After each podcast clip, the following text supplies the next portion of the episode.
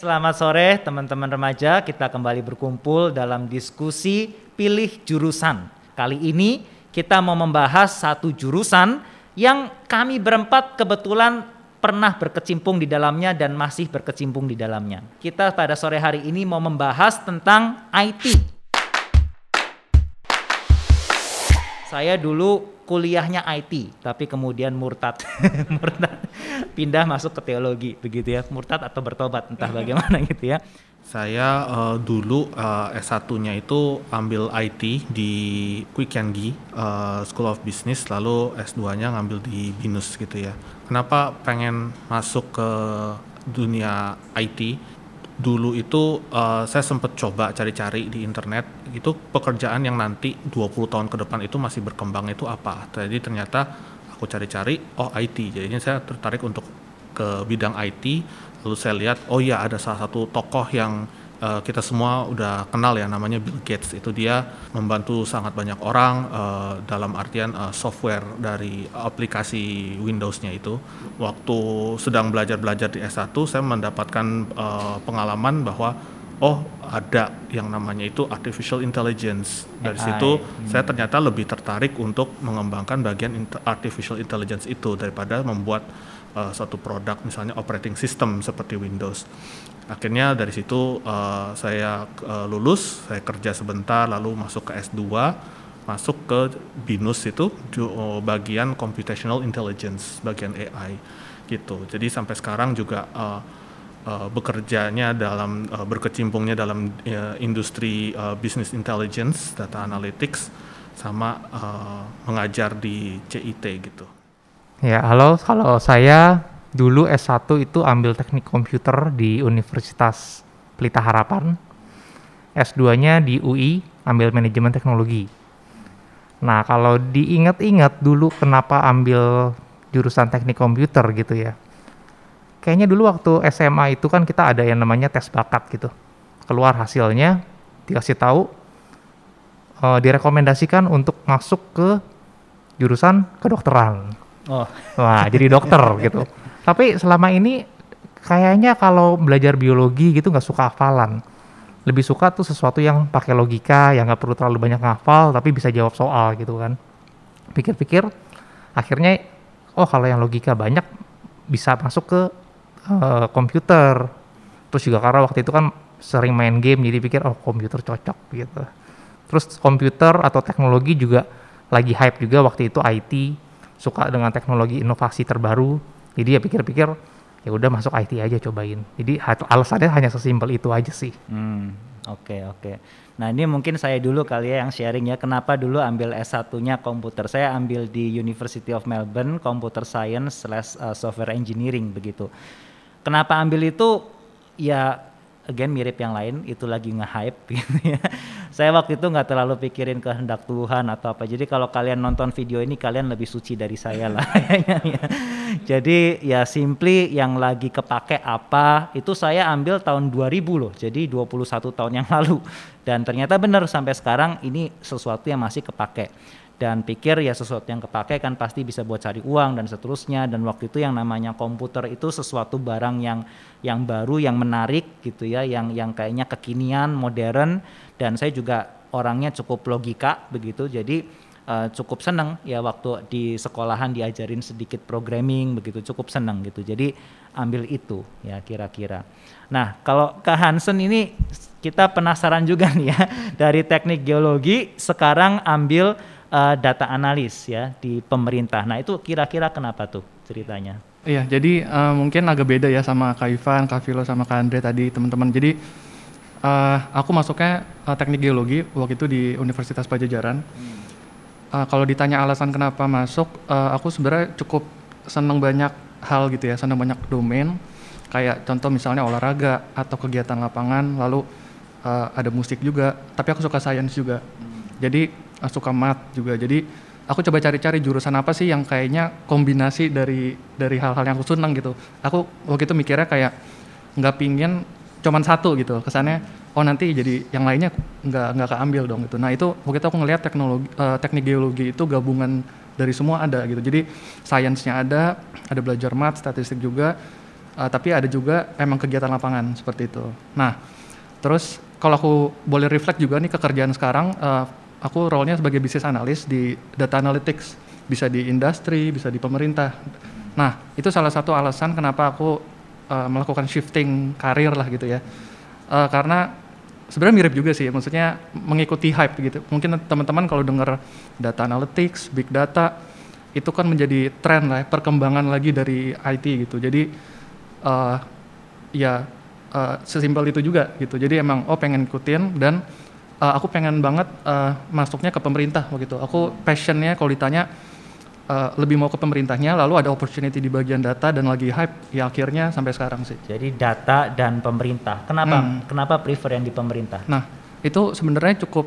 Uh, aku dari kecil juga di GRI gitu ya, banyak dengar tokoh-tokoh yang menggugah uh, ada Agustinus, Kuiper, Calvin, terus orang-orang di pemerintah gitu. Itu uh, uh, aku pribadi ya uh, tergerak, tergugah karena apa? Karena orang-orang tersebut sebenarnya bisa berimpact banyak. Kayak misalnya di Jakarta 11 juta lebih, tapi kalau misalnya jam kerja bisa sampai mungkin hampir 30 juta. Hmm. Kalau kita berbicara pemerintahan level nasional, ya udah 200 juta lebih kan untuk Indonesia. Jadi impactnya tuh besar sebenarnya. Nah sekarang seperti biasa kita mau bahas tentang apa sih IT itu, gambaran ilmu komputer tuh seperti apa sih buat teman-teman yang mau pilih jurusan kuliah komputer kan ternyata tadi banyak ya ada data analis, ada computer science, ada teknik komputer. Nah itu tuh beda-bedanya itu apa saja sih? Uh, yang pertama itu uh, computer engineering atau teknik komputer ya. Nah itu uh, kita tuh lebih berkaitan dengan bagaimana kita uh, merancang mesinnya dari si komputer itu. Jadi program yang di dalamnya seperti apa, lalu datanya apa yang mau diolah gitu ya. Itu adalah hal-hal komponen yang paling dasar dari suatu mesin komputer gitu. Nah, teknik komputer itu mempelajari bagaimana cara untuk membuat mesinnya pada dasarnya gitu ya. Lalu yang kedua uh, computer science gitu ya, IT atau data science itu berkaitan dengan uh, bagaimana cara kita untuk membuat softwarenya. Jadi program yang akan jalan di mesinnya itu. Lalu data science-nya itu sendiri adalah uh, ilmu bagaimana cara kita mengolah datanya itu untuk kita sarikan. Lalu dari situ uh, kita bisa mengambil kesimpulan. Lalu dari kesimpulan itu kita bisa mengambil suatu tindakan atau keputusan gitu. Biasanya keputusan bisnis atau keputusan di pemerintahan seperti itu gitu ya. Lalu uh, yang ketiga itu ada information system atau sistem informatika. Itu berkaitan uh, secara umum itu berkaitan dengan bagaimana suatu perusahaan itu uh, menggunakan IT untuk mendukung proses-proses bisnis dia gitu. Jadi misalnya seperti untuk membuat jaringan kerja atau uh, membuat uh, proses-proses tertentu menjadi lebih otomatis. Nah itu uh, kaitannya itu dengan situ. Uh, lalu untuk bagaimana cara memanagenya itu yang juga akan uh, kita pelajari gitu ya di dalam uh, kalau misalnya kalian kuliah IT gitu. Kira-kira berarti gini ya kalau teknik komputer yang which is Andre ambil S1 itu hardware ya, perangkat kerasnya, komputernya, CPU-nya, microchip-nya misalnya. Lalu IT atau computer science atau software engineering itu yang saya ambil lalu Vilo ambil itu juga ya berarti ya itu kayak softwarenya uh, bikin perangkat lunaknya ya bikin apa namanya uh, ya aplikasinya uh, softwarenya begitu. Nah kemudian uh, satu lagi tadi pak sistem informasi ya. Infor information systems. Itu adalah itu yang Andrea ambil di S2-nya ya. Manajemen informasi. Manajemen oh jadi sedikit beda ya. Ya jadi kalau hmm. yang di S2-nya itu lebih kepada kita mendukung suatu tujuan bisnis tertentu organisasi tertentu kita dukung itu dengan uh, sistem apa gitu. Hmm. harus pakai hmm. teknologi apa untuk mencapai tujuan bisnis itu? Okay. manajemennya seperti apa Oke, jadi ini sih. sudah lebih kepada ada orang perlunya seperti apa, lalu kita yang sediakan solusinya dengan ilmu komputer kita, gitu ya, hardwarenya seperti apa, softwarenya seperti apa, gitu ya. Nah, lalu yang kekinian adalah yang sebetulnya sekarang expertnya adalah Hansen, gitu, yang adalah data science, gitu ya, kuliahnya ya namanya. Jadi uh, khusus untuk handle data-data yang ada. Nah, biasanya data-data itu bagian dari software tetapi sekarang nanti kita akan bahas bareng ada yang namanya big data dan itu sampai ada jurusan kuliah tersendiri ya untuk menghandle hal-hal itu. Untuk mendapatkan insights atau untuk membantu membuat keputusan suatu organisasi atau di pemerintahan kita akhirnya memanfaatkan data-data itu. Jadi sebenarnya kan data itu bisa uh, kita dapat dari berbagai macam sumber. Oh bisa bisa bisa jadi survei atau bisa jadi uh, dari aplikasi jadi langsung masuk seluruh uh, transaksi seperti itu. Itu kan semua jadi jadi data gitu. Dan seperti yang Kak Ivan bilang jumlahnya besar gitu. Karena hmm. kalau transaksi ojol atau e-commerce atau misalnya laporan pengaduan masyarakat uh, ke pemerintah itu kan bisa mungkin bisa sampai puluhan juta gitu kan. Jadi uh, data raw-nya seperti itu. Jadi teman-teman bayangkan bagaimana kita mengolah seluruh data besar itu untuk akhirnya ada insights lah itu kan. Kita analisis ada akhirnya kita bisa uh, membantu policy recommendation misalnya seperti itu. Sekarang kita bahas kalau kuliahnya ya kira-kira kuliahnya ilmu komputer itu tuh belajar apa saja ya? Nanti teman-teman itu akan belajar mengenai uh, bagaimana caranya untuk membuat program gitu ya. Lalu teman-teman juga akan belajar mengenai apa itu yang disebut sebagai uh, basis data. Lalu teman-teman juga akan belajar sedikit mungkin mengenai uh, bagaimana cara mengatur uh, membuat jaringan komputer, mengatur security, keamanan ya dari sistem uh, perangkat hmm, komputer, networking, uh, uh, gitu ya. betul. Lalu teman-teman juga akan yang paling penting itu sebenarnya adalah belajar mengenai uh, metode problem solving gitu ya. Jadi ada beberapa pendekatan, misalnya uh, pendekatan yang dipakai untuk misalnya uh, mobil yang bisa uh, dikendarai sendiri gitu uh, secara otomatis untuk memakai autopilot uh, itu misalnya uh, kalau misalnya dia memakai kamera lalu kan dia ngeliat jalanan gitu ya itu kan pasti kan sangat rumit ya ada banyak hal gitu.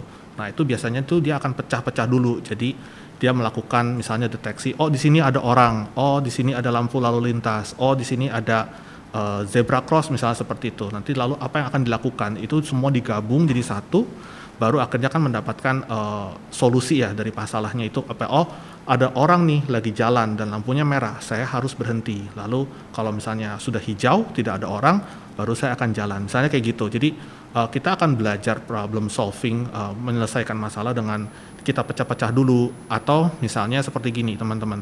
Hmm, kalau teman-teman suka pakai uh, apa uh, browser lalu pakai search engine mesin pencari gitu itu kan ada data yang banyak ya. Tapi kan teman-teman kan masukin misalnya kata misalnya saya mau cari foto uh, kucing yang uh, lagi main bola, misalnya seperti itu. Nah itu uh, mesin pencari itu kan harus mencari dari sekian banyak data. Nah itu harus diubah dulu masalahnya teman-teman menjadi masalah yang uh, lebih sederhana. Misalnya, oh uh, mesin pencari ini akan mencari semua gambar yang ada gambar kucing, lalu mencari semua gambar yang ada gambar bola. Nanti dari situ baru dilihat oh gambar mana yang ada gambar kucing dan bola itu yang baru ditampilkan ke teman-teman. Jadi masalahnya diubah dulu dengan kita mengubah masalah yang lebih sederhana ini, ketika kita menyelesaikan masalah ini sama dengan kita menyelesaikan masalah yang di awal, gitu kira-kira teman-teman. Jadi uh, belajar problem solvingnya di situ. Ada banyak lagi yang lain, tapi itu hanya uh, dua contoh aja gitu. Jadi memang sih payung besar daripada uh, fakultas komputer ini tuh tadi kata kuncinya problem solving. Gitu. Problem gitu. solving. Problem solving yang kita coba dekati dengan teknologi komputasi, kayak gitu. Tadi kan dalam usaha kita itu ada dua ranah tuh, software sama hardware. Kalau di teknik komputer yang aku ambil di S1 itu, itu dia lebih banyak main di sisi hardware-nya.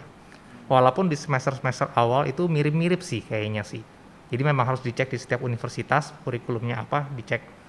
Biasanya tuh semester-semester awal tuh mirip kayak kita belajar algoritma juga, memecahkan masalah, step-stepnya tuh harus gimana cara mikirnya. Belajar tentang arsitektur komputer juga kayaknya mirip-mirip awal-awal. Cuman di ujung-ujung waktu di akhir-akhir mulai kelihatan bedanya.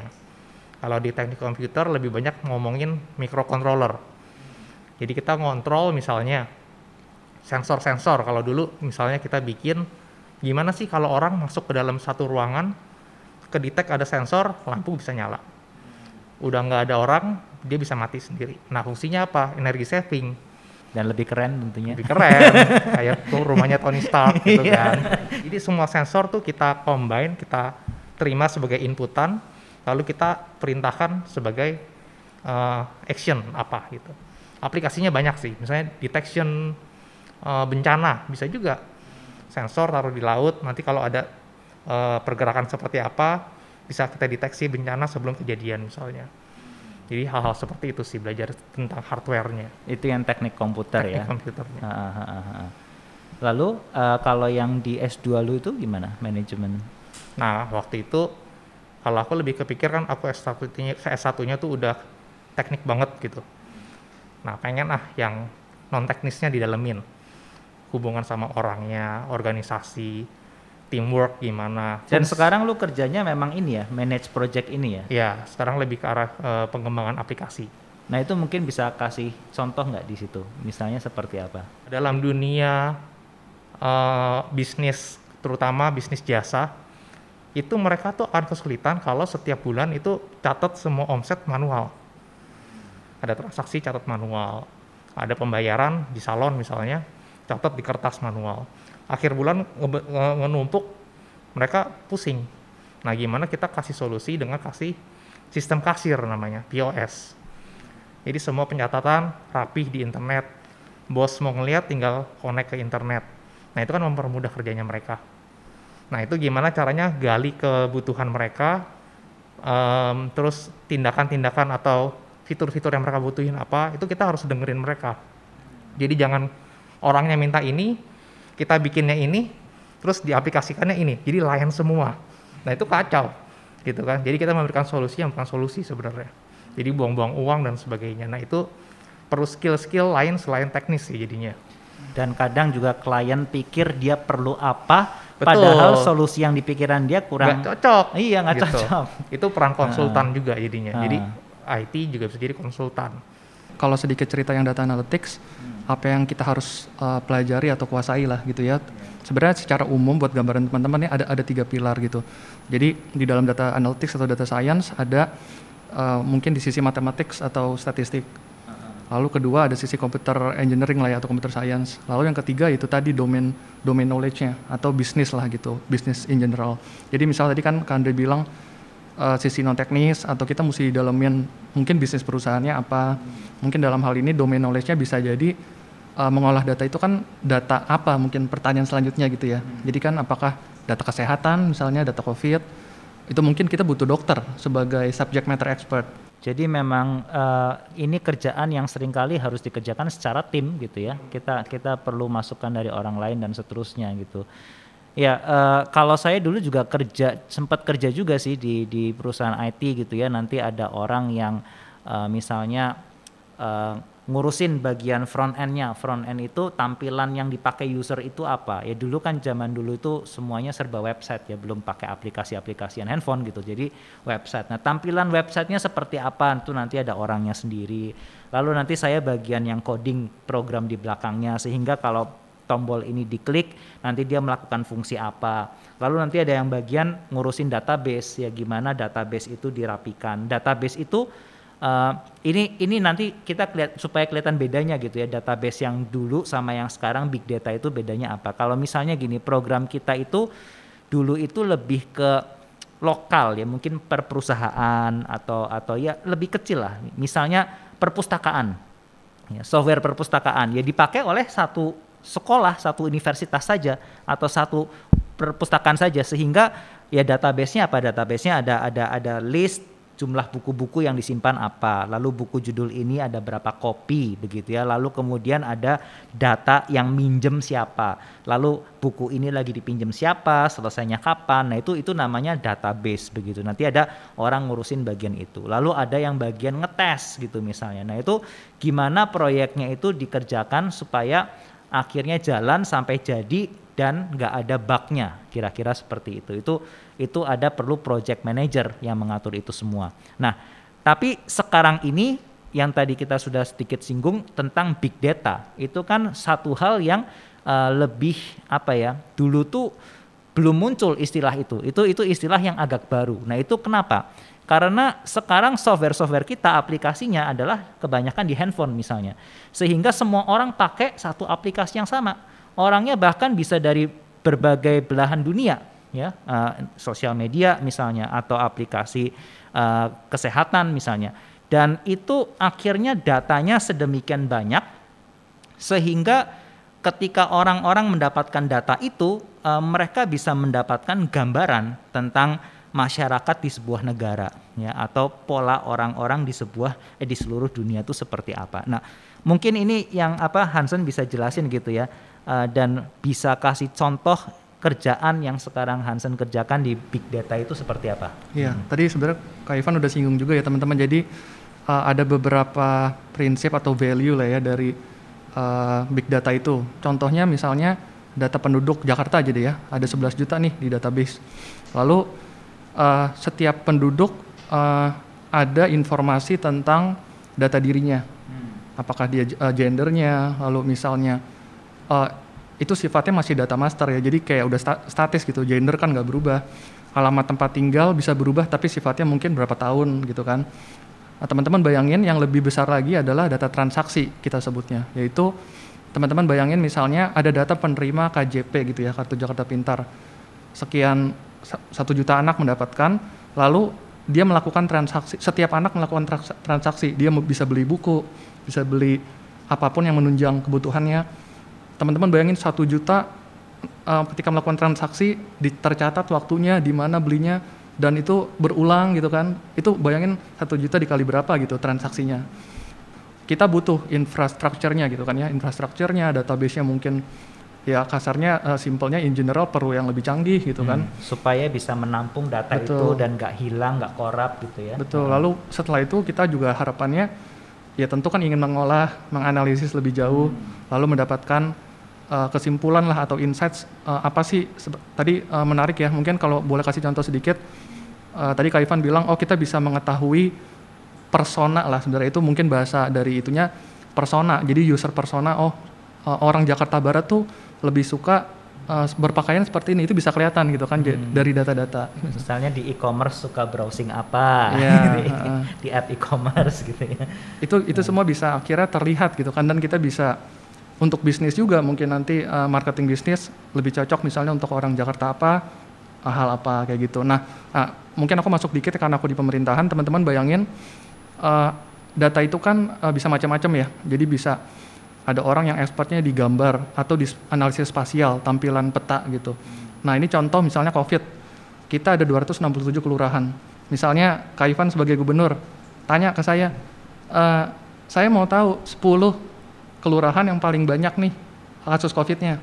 Mana kelurahan yang rate vaksinasinya paling rendah misalnya, itu sehingga uh, bahkan bisa lead uh, ada peraturan PPKM atau regulasi apa pun yang akhirnya dibentuk setelah mengetahui hal-hal tersebut gitu kan. Hmm. Jadi teman-teman bayangin ya orang-orang zaman dulu yang tidak ada hal ini menghadapi pandemi itu kayak apa gitu ya. Kalau sekarang kita pikir, oh sekarang kita bisa apa uh, sekolah online, kemudian bisa apa namanya pesan makanan juga online.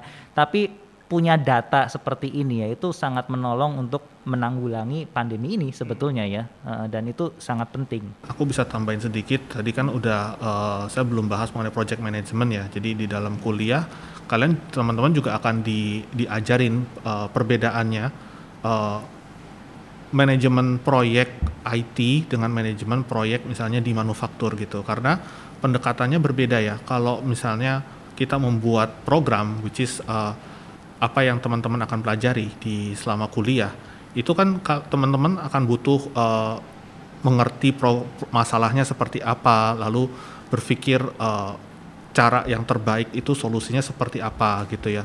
Itu akan berbeda dengan kalau misalnya teman-teman misalnya uh, manajemen proyek di manufaktur gitu uh, untuk membuat satu barang itu bisa dipecah-pecah kan barang-barang itu. Jadi misalnya saya mau membuat sepatu misalnya seperti itu. Oke okay, uh, bagaimana cara membuat sepatu yang cepat. Oke, okay, uh, saya bikin sol sepatu, saya bikin tali sepatu, saya bikin uh, kulitnya sepatu gitu ya. Hmm. Tapi sedangkan kalau untuk membuat program kan tidak seperti itu ya. Program itu seperti yang teman-teman uh, tadi udah dengar semuanya, ada yang kompleks, ada yang sederhana, itu semua harus diuji supaya programnya itu bisa baik gitu. Nah, itu juga harus termasuk dalam manajemen proyek gitu. Nah, itu yang Eh, teman-teman uh, juga akan pelajari bagaimana cara untuk mengukurnya, apakah ada program-program tertentu yang bagaimana yang bisa di, uh, dikerjakan bersama-sama, tapi kalau tidak bisa dikerjakan bersama-sama, apa yang harus dilakukan itu juga teman-teman akan pelajari gitu.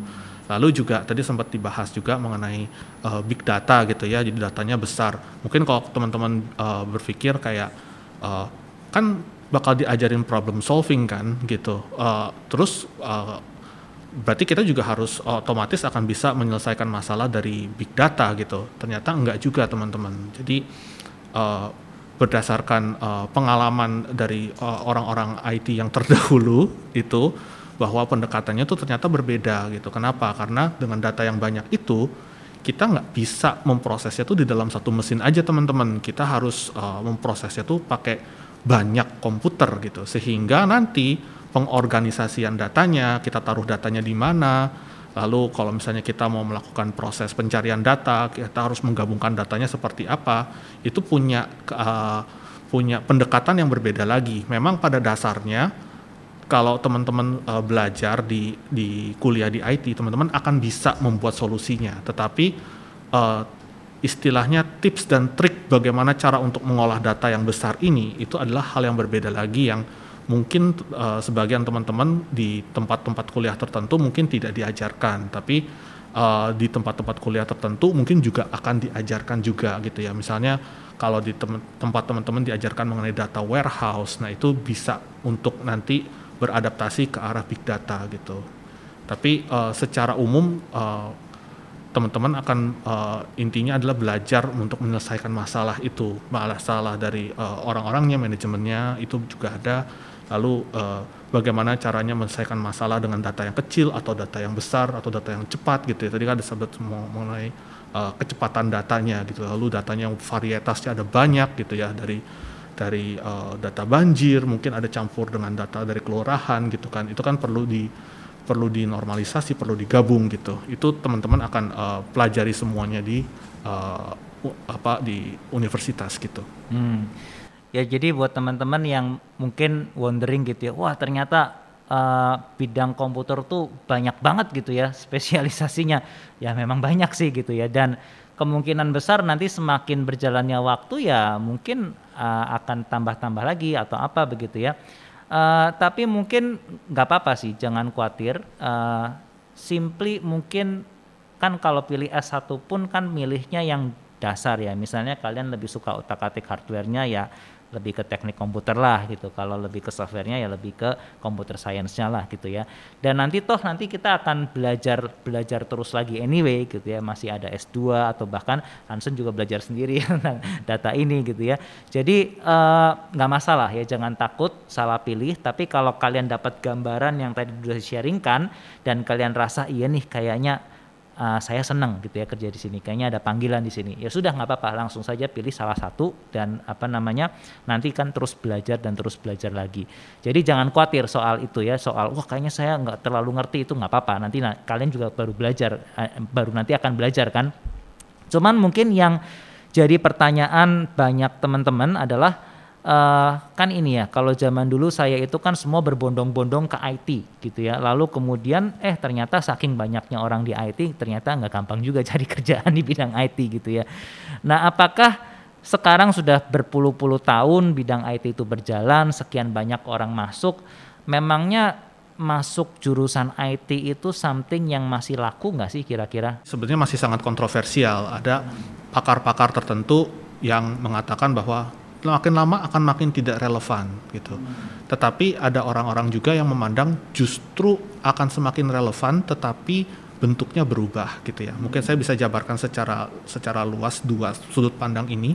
Yang pertama, dengan teknologi yang berkembang semakin cepat, semakin semakin kompleks, lama-lama kita programmer-programmer ini orang yang membuat program atau orang yang membuat mesin hardware itu nanti lama-lama akan digantikan dengan AI misalnya atau digantikan dengan uh, suatu proses uh, pabrikan yang yang yang lebih uh, lebih canggih yang yang tidak tidak usah takut bahwa kalau misalnya kita lagi solder solder uh, mesin misalnya salah solder kayak gitu kan sehingga menjadi barang yang defect yang nggak bisa dipakai gitu. Uh, mungkin akan ada nuansa ke arah situ gitu ya. Pandangan yang kedua mengatakan justru uh, itu akan terjadi tetapi kita uh, role sebagai orang IT itu akan berubah bahwa kita bukan cuma bisa membuat program saja, tapi kita harus menjadi uh, domain expert. Jadi istilahnya kita harus menjadi uh, pakar di bidang industri di mana kita bekerja. Jadi misalnya kalau ada orang yang dia biasa uh, bekerja di perbankan atau di fintech dan dia adalah seorang data scientist juga, maka akan makin banyak perusahaan-perusahaan yang merasa oh ya saya makin butuh data nih dan saya butuh orang yang bukan cuma ngerti data saja tapi juga mengerti kebutuhan dari perbankan dari fintech itu seperti apa. Begitu juga dong kan.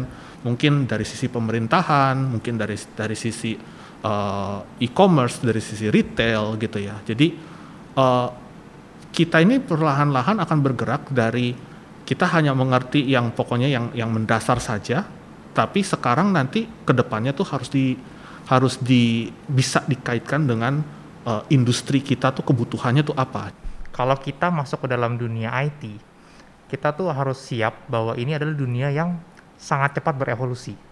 Kalau kita nggak terus uh, mau belajar hal-hal yang baru ya kita akan ketinggalan gitu. Jadi kalau menurut saya juga IT itu sangat berkaitan dengan bidang-bidang lain ya jadi kita juga selain belajar IT, mungkin juga belajarlah sosiologi, belajarlah teologi, filsafat, uh, finance dan sebagainya. Jadi kita akan menjadi lebih luas. Karena tadi seperti yang Philo bilang, IT mungkin dulu tuh jadi jurus maut gitu. Orang yang menguasai teknologi powerful banget. Tapi sekarang semua orang bisa akses eh, teknologi. Jadi IT udah nggak ada nilainya tanda kutip, udah nggak menjadi uh, faktor unggul tapi semua orang udah bisa pakai. Nah faktor unggulnya apalagi yaitu strategi kolaborasi bagaimana kita melakukan inovasi. Jadi harus tetap berinovasi sih kuncinya sih di IT itu. Kalau kita lihat nih mungkin 3-5 tahun lagi mungkin masih banyak nih future jobs data science, data scientist gitu, data analyst, data engineer yang di IT development, front end, back end, engineer, sistem analis. Tapi mungkin kalau 10-20 tahun lagi uh, adalah ya banyak consulting group yang coba assess itu sebenarnya jadi udah nggak ada. Loh, kalau gitu ngapain saya masuk dong nih, Kak Ivan? Hmm, hmm, iya. Nah, ngapain masuk? Ngapain?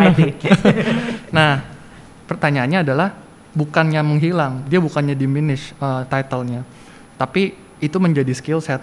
Uh, jadi data analytics, data uh, IT, ya IT in general atau kita pengetahuan data itu menjadi skill set, menjadi pengetahuan dasar yang justru membantu atau mungkin uh, um, menjadi apa ya requirement tadi ya misal kasar kalau dia dalam pekerjaan gitu. Tapi kita nggak usah takut gitu. Maksudnya semuanya bisa dari domain uh, mungkin saya bisa jadi bukti nyata gitu ya. Uh, teman-teman saya yang saya lihat banyak dari tambang dari teknik perminyakan gitu Ko Ivan. Uh, jadi uh, atau dari mana-mana gitu. Dari social science juga bisa.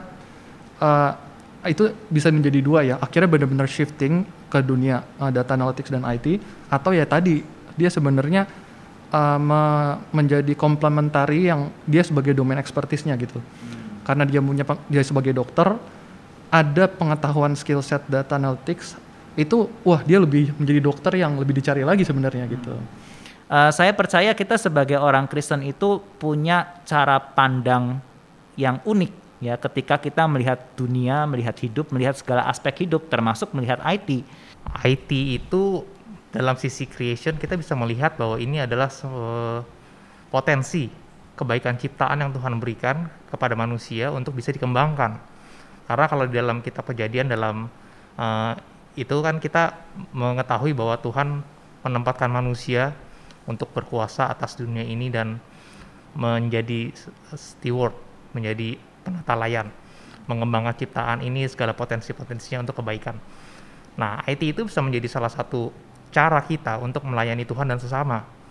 Mengembangkan potensinya, IT itu atau teknologi itu bisa menjadi magnifikasi. Jadi kalau misalnya kita bilang uh, kita mau menghancurkan batu misalnya, kita pakai tangan pasti sakit. Kita pakai tools, pakai teknologi, palu, kekuatan kita bisa berlipat-lipat kali lebih besar. Itu magnifikasi. Itu teknologi ya. Teknologi. Dan IT juga ada kemampuan itu. Kita mau menganalisa pasar, dengan statistik dengan uh, big data analisis bisa mengetahui dengan sangat akurat dan sangat cepat. Itu kan memagnifikasi potensi kita. Jadi itu adalah satu hal baik yang bisa kita kerjakan sih dalam sisi creationnya itu. Iya. Uh, kalau saya juga ngelihat ini ya ada ada semacam nuansa kita ini manusia diciptakan ya dengan apa ya uh, ketertarikan kepada hal-hal yang indah, hal-hal yang teratur begitu ya. Dan ternyata di bidang IT ada unsur seperti itu. Nggak tahu kalian ngerasa itu nggak ya? Ada yang bilang uh, sebuah program itu adalah seperti sebuah karya seni. Ya, jadi kita bisa bilang sebuah program ini misalnya katakanlah sama-sama berfungsi lah gitu ya. Tapi ada yang kita bisa bilang wah program ini ditulis dengan cantik yang satunya program ini ditulis dengan jelek, berantakan, tanpa kasih sayang gitu ya. Eh, itu orang-orang yang ngerti uh, coding bisa merasakan itu ketika buka coding, wah berantakan banget nih apa uh, spasinya, kemudian gak ada dokumentasinya, kita mau baca setengah mati, wah ini program yang jelek. Tapi program yang teratur kita begitu buka, wah seneng teratur gitu ya. Lalu kita lihat, oh kita ngerti lah ini coding ini mau mau apa ceritanya segala macam dan uh, ketika digunakan oleh user gitu misalnya uh, sebuah program yang baik itu akan memberikan apa ya semacam uh, user friendly gitu ya namanya user friendly. User langsung tahu oh kayak saya mau ini oh kayaknya klik ini klik ini oh ya ternyata benar tapi program yang ditulis dengan jelek user bingung nih saya mau nambah buku di perpustakaan gimana caranya ya nggak ketemu gitu misalnya Nah, jadi uh, ketika kita berhasil membuat sebuah program yang cantik begitu ya, itu tuh ada ada ada kepuasan tersendiri gitu. Kita seperti unlock gitu ya the, the potential di bidang IT yang Tuhan berikan dalam ciptaan. Ya makanya waktu saya masuk STT pun sempat kangen sekali tuh sama yang programming. Saya refreshing, saya programming, bikin program data remaja. jadi uh, jadi ada ada ada enjoyment di situ ya uh, ketika uh, kita uh, IT segala macam. Jadi kalau teman-teman coba deh ya mungkin sebelum masuk ke bidang IT, coba aja ikut kursus komputer, bikin program atau tutorial online. Sekarang banyak tutorial online. Kalau kalian menemukan enjoyment ya di dalam mengcreate build mendesain sebuah program yang sederhana lah kemudian uh, menciptakan menghasilkan membangun itu sampai jadi kalian menemukan kepuasan, nah mungkin kalian cocok tuh di bidang IT. Nah, tapi ya again kalau dari kacamata Alkitab gitu ya, segala hal yang baik itu punya punya potensi untuk baik ya punya kebahayaan untuk akhirnya jatuh begitu dan kenyataannya dunia jatuh dalam dosa sehingga ya bidang yang baik termasuk IT pun pasti jatuh ke dalam dosa juga in a sense gitu ya. Kira-kira gimana sih uh, di bidang IT ya yang kalau kalian lihat dalam mungkin ya isu-isu kontemporer mungkin uh, bagaimana bidang IT itu jatuh di dalam dosa misalnya dipengaruhi dosa. Ketika teman-teman bayangin uh, saya tahu nih kalau kalian KTP-nya Jakarta gitu ya KTP Jakarta ada di database di Pemprov di mana saya sebagai orang datanya bisa akses teman-teman tim data uh, bisa akses ya kita ada NDA juga gitu jadi nggak bisa tentunya kita nggak bisa memberikan sembarang orang lain gitu kalau saya memanfaatkan untuk kepentingan saya pribadi misalnya. Lalu saya uh, mungkin ini menjadi isu ya. Uh, teman-teman pasti pernah dengar gitu data data privacy. Lalu hal-hal seperti ini itu kan jadi kan kita me me melencengkan ya yang seharusnya kita memanfaatkan untuk kepentingan pribadi seperti itu. Saya kepikir ya apa namanya itu kan cara kerjanya ini ya uh, advertisement online yang akhirnya mengeksploitasi kecanduan orang misalnya terhadap pornografika, terhadap uh, gambling gitu ya, perjudian online itu kan karena mereka bisa uh, melihat nih siapa aja yang kira-kira akan jatuh kepada advertisement ini dan mereka mengeksploitasi itu. Yaitu mungkin salah satu di mana uh, IT itu disalahgunakan. Hmm. Tapi kita juga jangan lupa kalau IT atau teknologi itu juga menjadi tools yang membentuk kita penggunanya. Ah, iya. Jadi semakin kita menggunakan teknologi, bukan saja kita punya kekuatan tambahan, tapi teknologi yang kita pakai itu juga membentuk diri kita sebagai manusia. Nah itu juga harus diwaspadai karena ada sisi vol di, di bagian situ gitu. Contohnya misalnya kalau sekarang kita sudah terbiasa berinteraksi sama orang dengan IT, dengan dengan teknologi. Selalu always on. Kita semua handphone selalu terkoneksi sama internet. Kayaknya kalau mau mau chat siapa langsung bisa langsung nyambung. Nah, itu membiasakan kita untuk jadi kalau kita WhatsApp misalnya, centang satu, terus udah kita lihat centang dua, sebentar centang biru, tapi kita nggak dibales sama teman kita, kan langsung nggak sabaran gitu kan, nggak dibales gua, udah di read doang, nggak dibales, wah ini tindakan unethical ini. Nah itu menjadi kita jadi karakter kita jadi berubah juga kan. Terus sifat-sifat seperti misalnya gampang untuk connect dan disconnect. sekarang semua Zoom, semua YouTube misalnya. Kita juga nggak tahu yang dengar YouTube atau yang dengar Zoom lagi ngapain, sambil ngapain. Multitasking kah, sambilan kah, dan sebagainya. Jadi interaksi kita tuh dengan gampangnya bisa kita connect dan disconnect. Mungkin kita sama-sama Zoom tapi semua pada tutup kamera, nggak tahu lagi ngapain, ngedengerin atau enggak.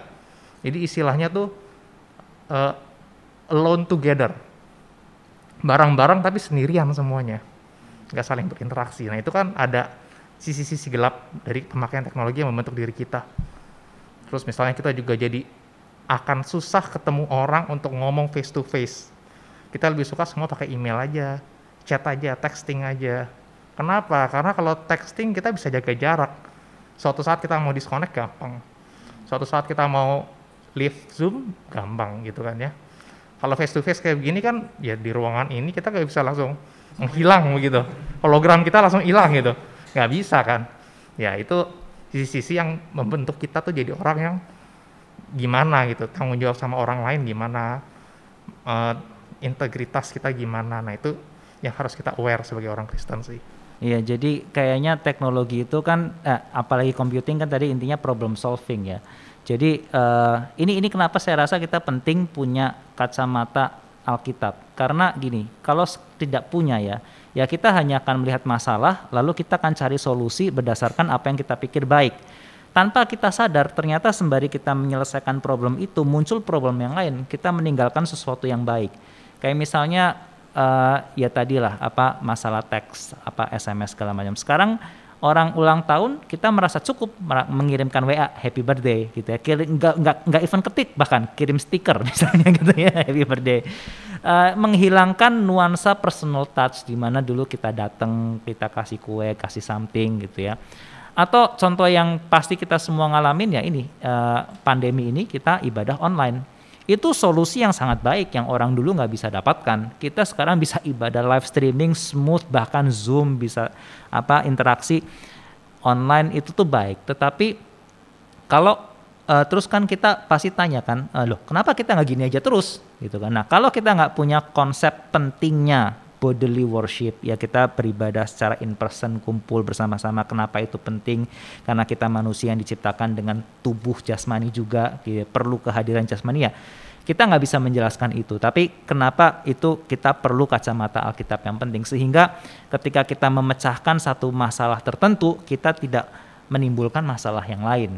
Mungkin contohnya itu kali ya redemption. Kira-kira ada kepikiran nggak? Gimana kita sebagai orang-orang Kristen terlibat di bidang IT menggunakan IT untuk meridim uh, salah satu yang saya lihat uh, teman-teman kalau misalnya tahu ada aplikasi uh, di mana pemerintah melayani masyarakat kan.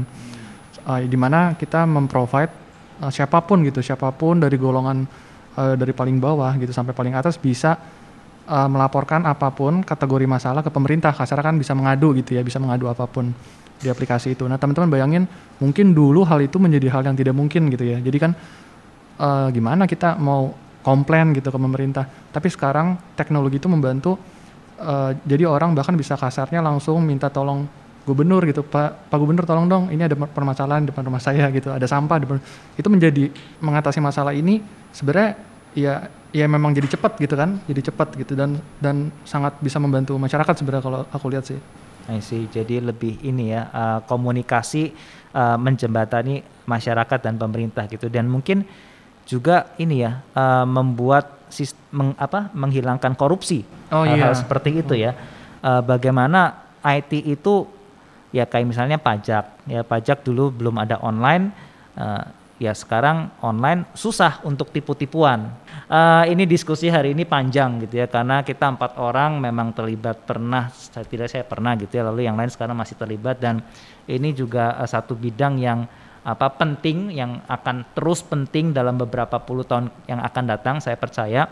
Dan harap uh, kalian di sini bisa mendapatkan gambaran lebih clear ya tentang dunia computing ya dan potensi-potensi uh, yang ada kebahayaan-kebahayaan yang ada ada banyak isu yang kita nggak bisa bahas sekarang ya mungkin uh, ada cryptocurrency tadinya Vilo mau bahas itu, kemudian ada dunia virtual dan segala macam. Mungkin itu akan kita bahas di episode-episode berikutnya ya. Tapi at least di episode ini harap kalian dapat gambaran tentang jurusan IT dan kalian kalau ada panggilan di situ kalian bisa gumulkan, doakan dan terjun di dalamnya. Karena sekali lagi perlu lebih banyak orang Kristen yang terlibat di dalam mandat budaya yang sudah Tuhan percayakan kepada setiap kita.